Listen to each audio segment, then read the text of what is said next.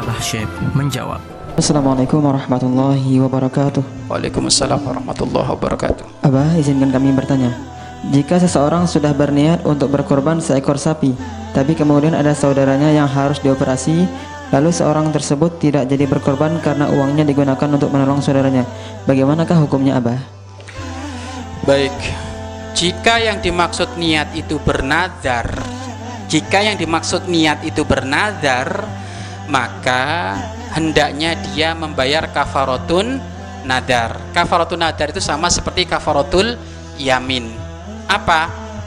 Tiga hari berpuah, berpuasa atau ngasih makan 10 orang fakir miskin atau memberikan baju bekas kepada 10 orang fakir miskin ini kafaroh nadar kalau memang ternyata dia tidak kurbannya tadi itu sudah dinadarkan. Tapi kalau ternyata tidak nadar maka ya nggak usah nggak apa-apa.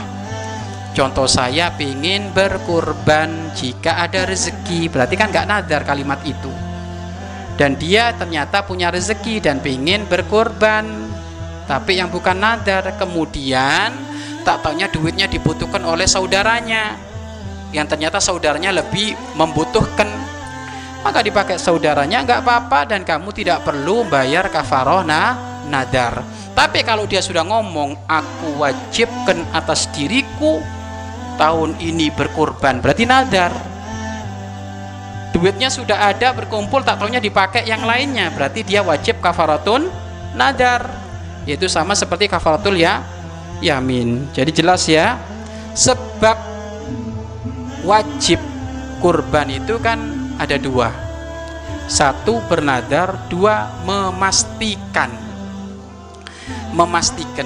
Bernadar itu ya bunyinya aku wajibkan atas diriku tahun ini berkur berkurban atau aku bernadar tahun ini berkurban ini sudah otomatis masuk wilayah wajib hukumnya. Yang kedua dengan memastikan kambing ini kambing ini tahun ini aku korbankan. Ini atau kambing ini aku korbankan. Itu sudah memastikan dengan dengan membawa kambingnya seperti itu itu juga termasuk masuk wilayah nah nadar wajib ya. Tetapi kalau ternyata dengan kalimat insya Allah jika ada rezeki saya ingin berkorban itu bukan nadar ya. Karena pakai kalimat insya Allah insya Allah wallahu a'lam bisawab